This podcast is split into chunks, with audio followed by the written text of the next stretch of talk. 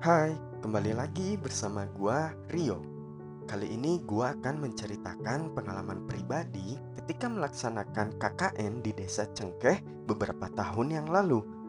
Oh iya, ini nama tempatnya disamarkan ya. Ceritanya agak panjang, makanya bakal gua buat beberapa part. Nggak tahu dua atau tiga, nanti kita lihat aja. Dan ini murni ya dari sudut pandang gua. Karena gue yakin banget teman-teman yang lain, khususnya yang perempuan, pasti punya pengalaman horor di sini. Dan gue juga bakal nyeritain beberapa kejadian yang disaksikan lebih dari dua orang. Oh ya, di part satu ini kayaknya nggak ada yang horor-horor amat. Jadi cuma mau nyeritain perjalanan di awal aja. Gue waktu itu masih menjadi mahasiswa aktif dan ketika semester 6 tiba, semua mahasiswa dan mahasiswi akan mendapatkan mata kuliah KKN alias kuliah kerja nyata. Gue seneng dan sangat antusias akhirnya dapat kesempatan untuk melaksanakan KKN. Gue udah ngebayangin bakal sangat menyenangkan mengabdi kepada masyarakat dan saling belajar bersama mereka selama satu bulan. Akhirnya gue mendaftarkan nama gue dan teman kelas gue ke pihak kampus. Kemudian pihak kampus mengumumkan pembagian kelompok dan penempatan KKN-nya kurang lebih dua minggu setelah pendaftaran. Gue waktu itu tergabung di kelompok 35 dan di dalam satu kelompoknya waktu itu berisi 21 orang yang berasal dari tujuh fakultas. Ada banyak kelompok pada saat itu dan ditempatkan di beberapa kecamatan di daerah selatan Nah saat itu kelompok gua kebagian di desa Cengkeh Singkat cerita kelompok kita berkumpul untuk membahas program apa yang akan diterapkan di sana. Lalu membahas jumlah biaya yang akan dibutuhkan untuk menyewa dua rumah untuk menjadi posko tempat tinggal. Lalu membahas biaya operasional dan membahas biaya untuk makan minum kita selama satu bulan. Oh iya, kenapa harus menyewa dua posko? Jadi pada saat itu pihak kampus meminta kepada kita untuk menyewa dua posko yang terpisah antara laki-laki dan perempuan. Sepertinya sih untuk menghindari sesuatu yang tidak diinginkan. Tapi hal itu jujur aja membuat pengeluaran kita menjadi semakin besar. Kalau nggak salah kesepakatan itu setelah dihitung kita harus patungan kurang lebih 800 ribu rupiah per orang. Nah sedangkan program KKN yang akan diterapkan masih belum menemui titik terang karena kita harus survei dulu ke desa Cengkeh. Kita harus tahu dulu situasi keadaan yang ada di sana. Nah, kira-kira dua minggu setelah pertemuan itu, akhirnya kita melakukan survei ke desa Cengkeh. Survei ini dilakukan untuk mengetahui informasi dan lokasi desa Cengkeh agar kita bisa membuat program yang tepat selama di sana, serta untuk menyewa dua posko yang akan kita tinggali. Jadi waktu itu ada empat orang ya yang berangkat survei, yaitu gua, Andri ketua kelompoknya, terus Rizal sama Aceng. Kita berangkat waktu itu jam 7 pagi menggunakan motor. Perjalanan ke sana tuh cukup jauh dan memakan waktu kurang lebih 3 jam. Akhirnya ya kita berangkat dan perjalanannya sangat menyenangkan. Enjoy banget pokoknya karena jalanannya itu sepi dan melewati perkebunan teh yang indah. Cuman perjalanan kita itu sedikit terhambat di tanjakan Panganten. Buat teman-teman yang belum tahu tanjakan Panganten ini, bisa googling ya karena ini cukup terkenal. Sering juga terjadi uh, kejadian horor di sana itu. Intinya googling aja kalau mau tahu. Oke lanjut, jadi kita terhambat di tanjakan Panganten dikarenakan beberapa hari sebelumnya terjadi longsor di sini dan tanah longsorannya tersebut menutupi jalan Terus kan tebingnya masih belum ditata kembali, jadi dikhawatirkan kalau terjadi hujan deras bisa-bisa yang dari tebingnya itu longsor lagi. Jadi pada saat itu jalan bakal ditutup selama 2-3 jam untuk ditata dan dibersihkan tebingnya. Lalu jalan dibuka selama satu jam untuk menghindari antrian kendaraan yang panjang. Nah, kita juga baru tahu waktu itu ada penutupan jalan. Cuman kita beruntung karena waktu kita lewat jalannya lagi dibuka Jadi nggak perlu nunggu 2 atau 3 jam Akhirnya kita lanjut dan nggak jauh dari tanjakan Panganten itu Kita berhenti di sebuah warung dan berniat untuk beristirahat Nah pas udah sampai Udah duduk, Andri ingat ada teman kelompok kita yang namanya Rania. Dia waktu itu bilang, kalau mau survei mampir aja ke rumahnya. Karena rumahnya dia itu satu arah dengan desa Cengkeh. Di situ Andri langsung BBM ke Rania. Terus Ranianya langsung bales dan mengarahkan arah ke rumahnya. Akhirnya kita langsung pergi lagi tuh. Jadi di warung itu cuman sebentar. Singkat cerita, kita sampai di rumah Rania jam 9-an. Niat kita kan tadi cuma untuk beristirahat sebentar. Tapi ibunya Rania menyediakan kami makan. Jadi karena kan udah disediakan, ya udah akhirnya kita makan. Meskipun si Ijal tuh agak malu-maluin juga. Setelah itu kita ngobrol sebentar dan bertanya kalau letak desa Cengkeh itu masih jauh enggak dari sini gitu. Ternyata kata Rania dan ibunya masih lumayan jauh, kurang lebih satu jam lagi baru sampai. Ya, karena kita tahu masih cukup jauh perjalanannya, ya udah kita SMP di situ. Sudah makan, pergi. Kita langsung pamit dan berterima kasih ke Rania sama ibunya karena udah memperbolehkan untuk istirahat dan makan di rumahnya. Dari situ kita langsung gas lagi. Kurang lebih sekitar jam setengah 12, akhirnya kita tiba di sebuah warung pinggir jalan di desa Cengkeh dan bertemu dengan Pak Hari Pak Hari itu seorang pemilik warung dan juga orang yang merawat sebuah rumah yang akan kita sewa. Kita memperkenalkan diri, kemudian bertanya letak kantor desa ada di sebelah mana. Karena kita ingin memastikan dulu apakah pihak kampus sudah memberikan surat keterangan, surat pengantar bahwa akan ada kegiatan KKN di sini selama satu bulan. Akhirnya dengan baik hati Pak Hari mengantar kita ke kantor desa yang jaraknya kurang lebih 80 meter dari warungnya. Tapi pas datang ke sana kantor desanya udah tutup karena udah masuk waktu istirahat. Ya karena begitu akhirnya Pak Hari langsung mengajak kita untuk melihat salah satu rumah yang akan kita sewa. Letak rumahnya itu ada di belakang warung Pak Hari. Nggak jauh, kurang lebih 20 meteran lah dan rumahnya itu keliat dari warung. Akhirnya kita langsung pergi ke sana ya. Nah, pas sampai di sana, gambaran rumahnya itu um, bisa dibilang rumah panggung yang terbuat dari kayu. Di luarnya ada garasi kecil untuk satu motor yang dipagari oleh pagar bambu. Lalu kami masuk dan melihat langsung ke dalam rumah itu. Ada ruangan tengah dan ada tiga kamar yang berjejer di sebelah kiri. Lantai rumahnya itu terbuat dari kayu Dindingnya dari kayu dan langit-langitnya pun terbuat dari kayu juga. Nah, hal pertama yang gua rasain waktu itu, jujur, rumah ini tuh pengap, panas, terus kayak yang berdebu, udah udah lama nggak dirawat atau nggak ditinggali orang pokoknya. Yang jelas aneh lah gitu ya pas pertama datang tuh. Terus kita ngeliat semua kamar di sana dan nggak ada kasurnya, Lantai kayunya pun di kamar sedikit agak lapuk. Terus kan dinding kamarnya terbuat dari bilik bambu. Nah itu tuh udah berdebu. Terus udah ada beberapa sarang laba-laba juga gitu. Nah itu tuh semua keadaan kamarnya kayak gitu. Gak keurus. Terus kita ke ruangan tengah lagi. Di ruangan tengah itu cuman ada satu lemari dan beberapa foto pemilik rumah tersebut. Jadi polos aja gitu di ruang tengah tuh nggak ada apa-apa lagi. Nah setelah dari ruang tengah kita jalan lagi. Jadi di sebelah ruang tengah ada pintu yang menghubungkan ke ruangan kecil yang biasa dipakai untuk ruang makan. Di sebelah ruang makan itu, di sebelah kanannya ada kamar. Tapi di sini kamarnya itu ada kasurnya. Meskipun kasurnya gue pikir udah nggak layak pakai juga sih Terus kalau di sebelah kiri ruang makan itu ada dapur. Terus ada kamar mandi di sebelah dapur. Ada tangga menuju ke loteng dan ada pintu belakang. Dapurnya sih ya seperti dapur pada umumnya, nggak ada masalah. Lalu kita ngecek kamar mandi. Ternyata kamar mandinya ini masih menggunakan sumur.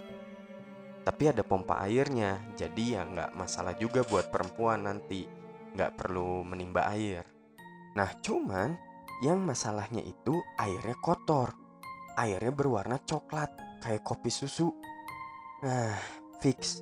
Ini pasti bakal jadi masalah buat perempuan. Terus yang terakhir, kita ngecek loteng. Naiklah kita ke atas. Jadi di loteng ini ada ruangan kecil yang disekat oleh triplek yang katanya biasa dipakai untuk sholat.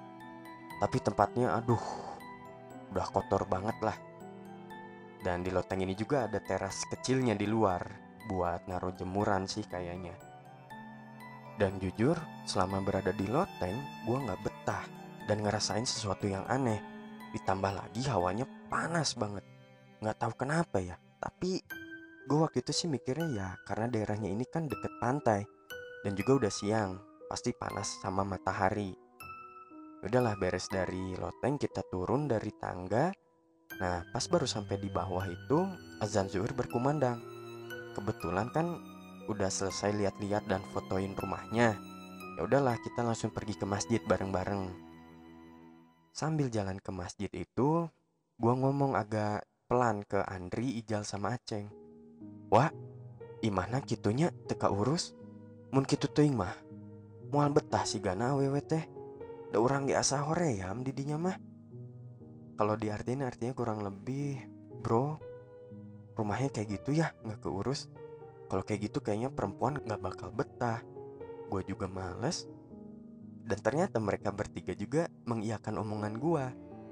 Jadi ngerasa sama gitu kan, nggak betah aneh gitu rumahnya. Jadi masih sambil jalan ke masjid itu, Andri nanya ke Pak Hari, Pak, kira-kira masih ada rumah lainnya nggak? Dua rumah lagi lah. Kalau ada kita mau lihat dulu, soalnya kita butuh dua rumah. Maaf ya Pak, kalau sama rumah yang barusan, kayak gimana gitu kurang serg terus Pak Harinya jawab oh iya boleh tapi agak jauh dari jalan nggak apa-apa. Dan cuma ada satu rumah lagi nggak ada rumah lain. Gimana tuh? Ngedengar kayak gitu kita diam dan sambil ngelihat satu sama lain. Tapi mau gimana lagi? Karena nggak ada rumah lain yang disewakan kecuali rumah yang tadi sama rumah yang nanti mau dilihat. Apalagi pelaksanaan KKN itu satu minggu lagi jadi udah nggak ada waktu. Ya udah oke okay lah kita setuju. Kita sepakat kalau rumah yang tadi itu dijadiin posko perempuan. Lalu kita sampai di masjid langsung sholat zuhur. Pas udah beresnya di pekaran masjid itu kan banyak orang e, warga desa di sana. Terus kita diperkenalkan sama Pak Hari ke Pak Jana. Pak Jana ini salah satu orang penting ya di desa Cengkeh dan dia pengen ngobrol sama kita. Kita tuh langsung disuruh ke rumahnya waktu itu bareng. Tapi ditahan sama Pak Hari sambil bilang, "Nanti Pak, ini mau ngeliat rumah dulu yang di bawah. Habis dari situ aja ya ke rumah Pak Jananya." Dan Pak Jana pun mengiyakan ucapan Pak Hari. Akhirnya kita pergi tuh buat ngeliat rumah yang satunya lagi. Ternyata emang jaraknya lumayan lah kalau dari jalan masuk sekitar 200 meteran. Nah jalan ke rumah yang ini itu turun ke bawah. Treknya kayak turun dari bukit. Terus jalanannya juga masih tanah. Tanah merah lagi licin kalau hujan. Dan ngelewatin beberapa rumah warga juga Cuman agak jarang. Dan sepanjang jalan ke rumah yang ini Itu masih banyak semak-semak Terus pohon cengkeh Dan ada pohon gede yang lainnya. Jadi fix ini mah kalau malam-malam lewat ke sini sendirian, pasti serem. Gua juga nggak mau. Setelah beberapa menit, kita tiba di rumah yang kedua ini. Nah, kalau di sini kita langsung ketemu sama pemilik rumah yang bernama Pak Atang dan Bu Siti. Mereka sangat baik dan welcome kepada kita. Sampai disuguhi ubi sama kelapa muda yang langsung dipetik di depan rumahnya. Gambaran rumah yang ini itu di depannya ada balong alias kolam ikan, lalu ada beberapa pohon kelapa dan mangga, terus di terasnya itu sudah menggunakan ubin. Cuma di dalam rumah lantainya masih kayu seperti di posko perempuan. Di dalamnya ada tiga kamar dan ada kasur semua kalau di sini. Lalu kamar mandinya juga menggunakan sumur, cuma nggak ada pompanya. Jadi harus nimba sendiri kalau butuh air nanti. Nah, di sini kesan gua dan teman-teman waktu itu udah fix ini mah nyaman sejuk, asri gitu kan, terawat. Karena emang rumahnya masih ditinggali gitu. Terus kita nanya ke Pak Atang, kalau rumahnya disewain ke kita, nanti bapak sekeluarga tinggal di mana gitu kan? Dan dijawab, bakal tinggal di rumah yang satunya lagi, nggak jauh dari warungnya Pak Hari. Jadi Pak Atang itu punya tempat cuci steam dan warung kecil di sana. Terus kita ngobrol-ngobrol lagi sebentar sampai akhirnya kita deal sama harga rumahnya. Tapi gue lupa harganya berapa waktu itu. Setelah itu kita pamit ke Pak Atang dan kita langsung jalan ke rumah Pak Jana karena udah janji mau ngobrol dulu. Pas kita udah sampai di depan rumah Pak Jana, Pak Hari izin pulang ke warungnya. Akhirnya kita masuklah ke rumah Pak Jana. Terus ya biasalah ngobrol, sharing gitu ya. Kita juga menggali informasi tentang profesi warga di sini, terus pendidikannya, kesehatannya gitu kan. Sampai akhirnya pas lagi asik ngobrol gitu, Pak Jana tiba-tiba motong pembicaraan. Terus nanya gini, Oh iya, kalian udah sewa rumah belum? Kalau belum mah, udah tinggal di rumah saya aja. Cukup buat 10 orangan mah. Gratis, kalau untuk yang KKN sok weh pakai ngedengar Pak Jana bilang gitu kita kaget dan ada rasa menyesal ya. Terus Andri jawab ah Pak terima kasih banyak tawarannya. Tapi barusan tuh udah deal mau nyewa dua rumah. Gak enak kalau dibatalin. Terus Pak Jana ngomong pakai nada pelan kalian sewa rumah yang mana? Yang di bawah yang di belakang warung bukan?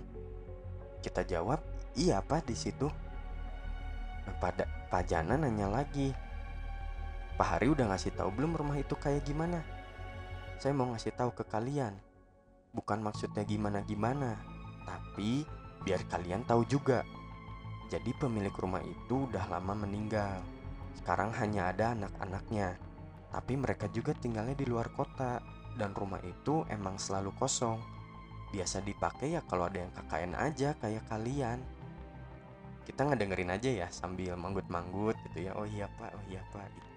Ternyata obrolannya belum selesai waktu itu. Dia lanjut nyerita lagi. Bapak mau berpesan sama kalian. Nanti harus sopan. Gak boleh terlalu berisik di situ apalagi kalau udah malam. Jangan lupa juga rajin sholat dan mengaji di rumah itu. Insya Allah aman. Ya pas denger gitu kan kita semua kaget. Emangnya ada apa gitu?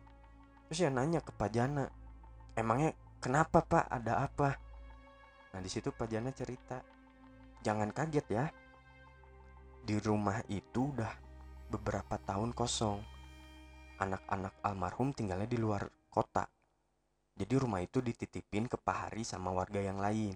Tapi nggak ada yang mau tinggal di rumah itu. Kecuali orang yang nyewa buat KKN biasanya satu sampai dua bulanan lah. Nah, terakhir yang ngisi rumah itu beberapa bulan yang lalu buat KKN juga. Sepertinya mereka kurang sopan, jadi sering ada gangguan sampai ada yang kesurupan. Apalagi di lotengnya suka ada penampakan perempuan tuh. Saya waktu itu sama warga lain sering bolak-balik ke rumah itu buat bantu nenangin mereka. Intinya inget pesan saya yang tadi ya, insya Allah nggak ada apa-apa terus ya ekspresi kita pas udah ngedenger itu kaget bingung kan? Diem semua sambil ngeliatin satu sama lain. Dalam hati gue bilang aduh ini gimana? Apalagi perempuan nanti yang tinggal di sana. Pak Jana langsung bilang lagi saya minta maaf ya kalau udah nyeritain gini ke kalian. Saya cuma mau ngingetin aja biar nanti waspada sama sopan. Andri ngejawab, Oh iya, nggak apa-apa pak, biar jadi bahan persiapan kami nanti. Terima kasih sudah diberitahu ya pak. Karena kebetulan waktu itu udah jam 1, akhirnya kita pamit. Soalnya kan mau ke kantor desa dulu. Lalu kita berjalan ke kantor desa karena emang jaraknya dekat. Ketika sampai, kita nanya ke petugas yang ada apakah sudah mendapatkan informasi atau surat pengantar KKN dari kampus kami? Ternyata belum ada laporan resminya. Akhirnya pihak desa coba menghubungi ke kantor kecamatan. Tapi waktu itu ada gangguan, jadinya nggak bisa. dan emang susah sinyal di sana itu cuma ada satu provider ya Telkomsel yang bisa itu pun sinyalnya cuma dua baris akhirnya pihak desa menyarankan kita buat ke kantor kecamatan kalau emang mau memastikan uh, surat pemberitahuan itu mungkin suratnya masih di kantor kecamatan dan belum didistribusikan ke desa-desa Oke, setelah itu kita pamit lagi, terus jalan pergi ke warung Pahari buat ngambil motor dan juga sekalian pamit ke Pahari biar nanti nggak mampir-mampir lagi. Akhirnya kita langsung pergi ke kantor kecamatan yang memakan waktu kurang lebih 20 menitan. Kita waktu itu benar-benar menikmati lagi perjalanannya karena kita menuruni bukit dan pemandangannya itu hamparan laut yang sangat luas. Terus kita berhenti sebentar buat foto dan ngevideoin. Soalnya bener-bener keren banget. Sambil foto-foto gue nanya ke ketiga teman gue jadi gimana ini? Kan udah dikasih tahu ternyata rumahnya gitu yang buat posko perempuan. Tapi udah deal juga sama Pak Hari serba salah eh. si Ijal jawab ya udah yuk kita mending ikutin sarannya Pak Jana. Insya Allah lah nggak apa-apa. Aceng juga nambahin. Eh bener. Gak enak juga kalau nanti dibatalin terus kita tinggal di rumah Pajana bisi jadi matak takut bikin masalah. Akhirnya Andri sebagai ketua menegaskan eh bener. Udah ikutin saran Pak Jana aja. Dan kita cukup kasih tahu Bakti sama Suparman Nah, Bakti dan Suparman ini anggota kelompok kita juga yang gak ikut survei. Dan kata Andri, perempuan jangan sampai tahu. Cukup kita aja yang tahu. Takutnya nanti mereka panik sama ribet lagi urusannya. Ya udah, gas lagi kita waktu itu pergi ke kantor kecamatan. Akhirnya jam setengah dua kita sampai dan langsung nanya ke petugas di sana. Apakah ada surat pengantar KKN dari kampus kami? Dan ternyata sudah ada dan baru akan didistribusikan besok ke setiap desa yang menjadi tempat KKN. Setelah itu kita lega ya karena sudah tahu, jadi kita langsung pamit dan pulang. Nah, sialnya di perjalanan pulang kali ini kita terhambat karena pas lewat tanjakan Panganten jalannya baru ditutup dan akan dibuka dua jam kemudian. Waktu itu sambil nunggu dan karena sinyal udah cukup bagus, kita kirim tuh foto-foto posko perempuan sama yang posko laki-laki di grup KKN dan langsung rame di komen sama perempuan. Karena mungkin agak berbeda dengan ekspektasi mereka. Tapi sama kita diyakinin aja bakal betah di sana. Dan meskipun masih kesel tapi teman-teman perempuan akhirnya menerima dan nurut. Ya mungkin mau gimana lagi kan? Jika cerita jalannya dibuka jam setengah limaan terus kita lanjut pulang dan sampai di rumah masing-masing kurang lebih jam setengah delapan